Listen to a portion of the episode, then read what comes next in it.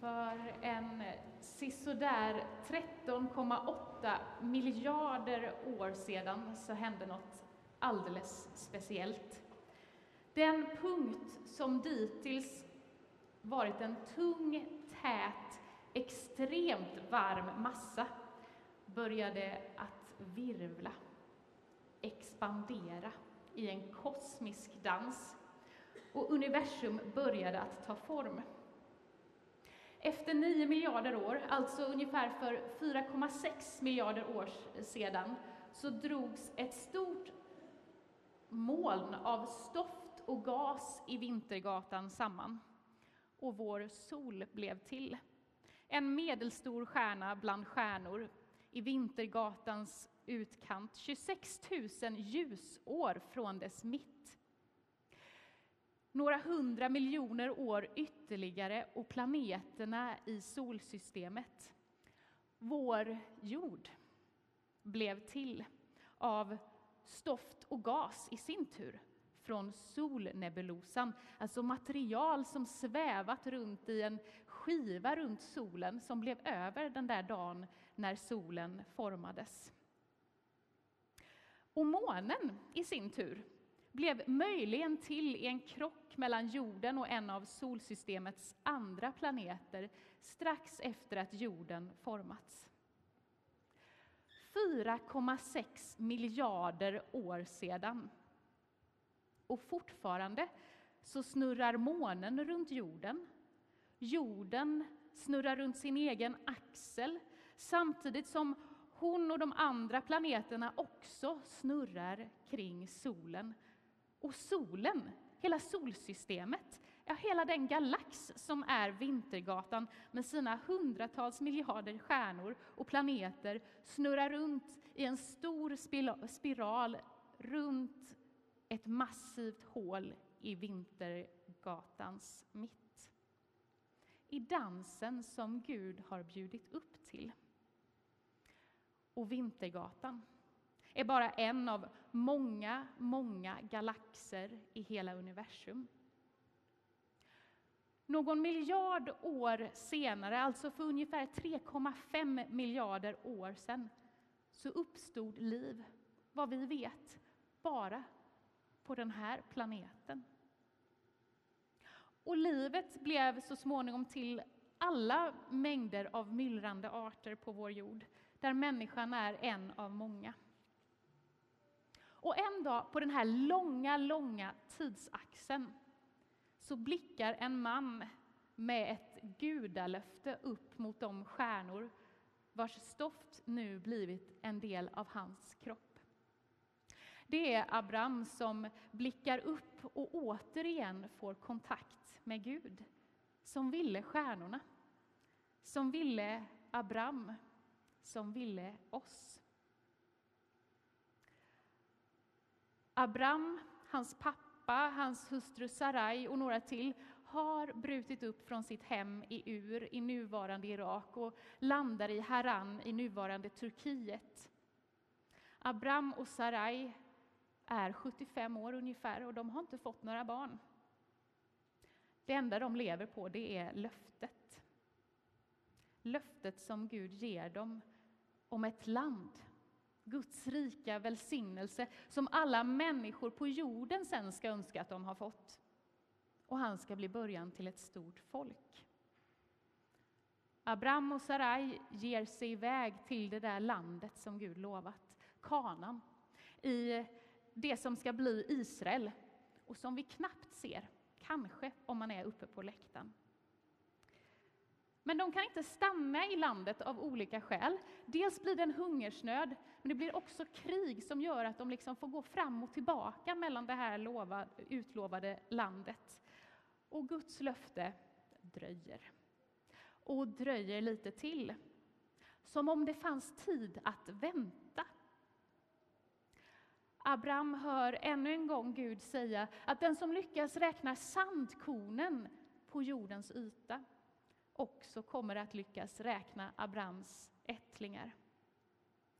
Efter åratal av väntan och kroppar som blir allt äldre och mer oförmögna att bära fram barn så landar Abraham på nytt i det land som Gud en gång har lovat honom och hans ättlingar. Väl tillbaka igen i kanan, det är där vi möter Abraham idag.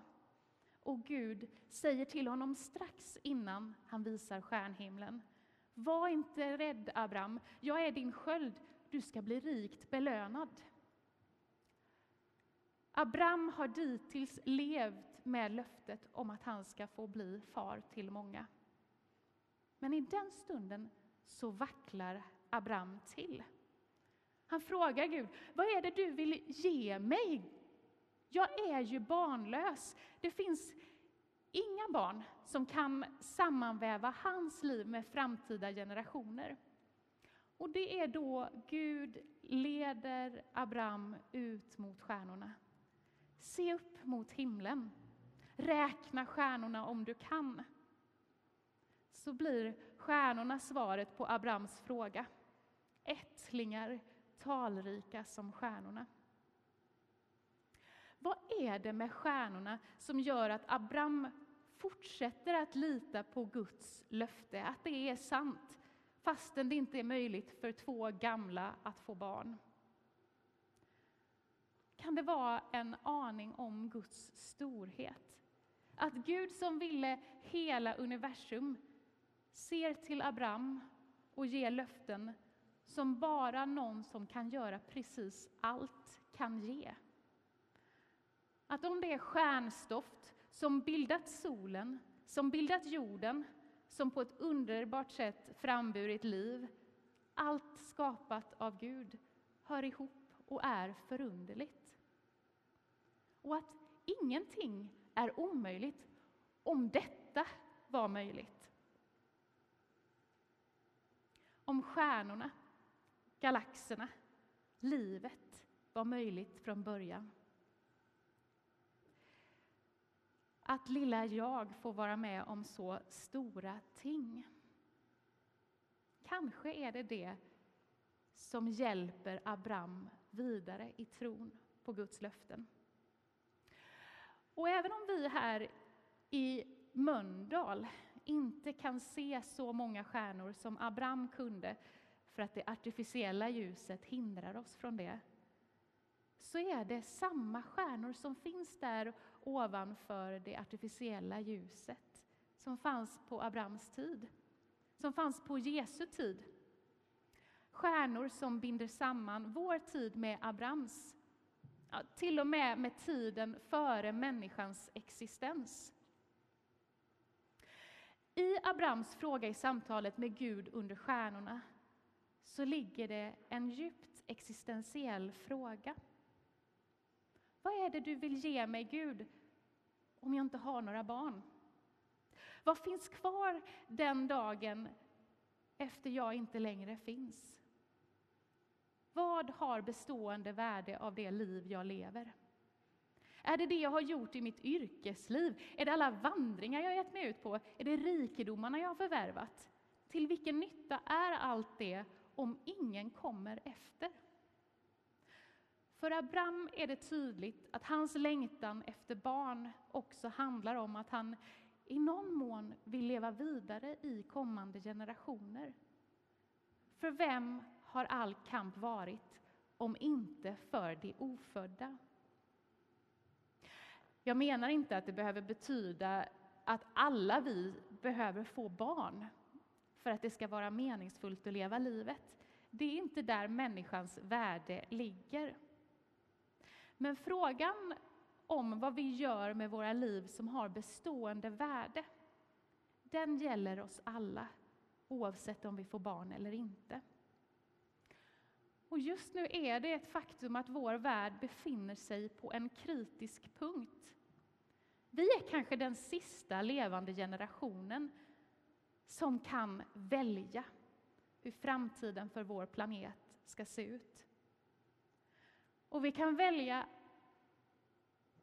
att det som består inte kommer ha värde för kommande generationer, snarare blir till deras stora sorg. Den omställning vi alla behöver göra för klimatet, för hållbarheten. Den behöver komma snabbt och det är vi som behöver bära denna omställning. Ingen annan kan det. Men när vi gör det så tänker jag att vi också kan tänka på Abraham och alla som har gått före oss. Alla de uppoffringar som de har gjort som gör att vi får lov att sitta här idag. Vårt tack till dem kan vara att framtiden får säga detsamma till oss. Att cykla istället för att ta bilen, att välja grönt istället för kött, köpa begagnat före jag väljer nytt, att stanna på marken istället för att flyga. Det är inte främst för oss själva som vi gör det. Det som vi kan uppleva som ett offer i den omställning som måste till, det är för dem, för generationerna som inte finns. Trons kraft på Gud i Abraham fick honom att leva för kommande generationer som tycktes långt borta. Kan vi lägga lika stort värde som Abraham, att det är de kommande generationerna som äger verkligt värde för oss? Att vårt uppdrag på den här jorden, vare sig vi har barn eller inte, är att vårda planeten. Inte ta mer än vi behöver, så att det räcker åt alla Guds älskade varelser. Jag hoppas att när våra namn sedan länge är glömda av kommande generationer, att man ändå minns vad det var vi gjorde i den avgörande tiden. Att vi tog chansen så att de kunde få leva. Idag minns vi Abram. Och det häftiga med Guds löfte till Abram, det är att vi så här tusentals år senare kan se att det Gud lovade Abram är sant. Abram behövde även efter det här mötet med Gud under stjärnorna klamra sig fast vid löftet ett litet tag till, för tiden om ättlingar det dröjer ytterligare. Men så blir det en son, Ismael, genom Hagar, som inte var hans hustru, muslimernas stamfar. Då är Abraham 86 år och Sarai är barnlös. I ytterligare 13 år väntar Abraham och Sarai på att Gud ska infria sina löften. Och det gör han. Men först får Abram och Sarai byta namn till Abraham och Sara. Abraham är då 99 år och Abraham betyder far till många och Sara förstinna, för hon ska bli stammoder till kungar. Ett år senare föds Isak. Då är Abraham 100 år gammal. Och ungefär 1800 år senare är det i det släktled som är Abraham som Jesus föds in i världen för att infria Guds löfte om hela världens befrielse. Det visste Gud när Gud dröjde. Bara sett till vår generation är Abrahams ättlingar väldigt många. Idag så finns 13,8 miljoner judar, 1,8 miljarder muslimer och 2,4 miljarder kristna. Alla räknades som Abrahams barn, där både vi är biologiska ättlingar och inadopterade genom Jesus. Det går med andra ord att lita på Guds löften. Och det är ju så att Gud har gett mänskligheten ett löfte till. Inte som en ursäkt för att vi inte ska göra vad vi kan, men det är Guds löfte när vi förtvivlar över hela den här tillvaron.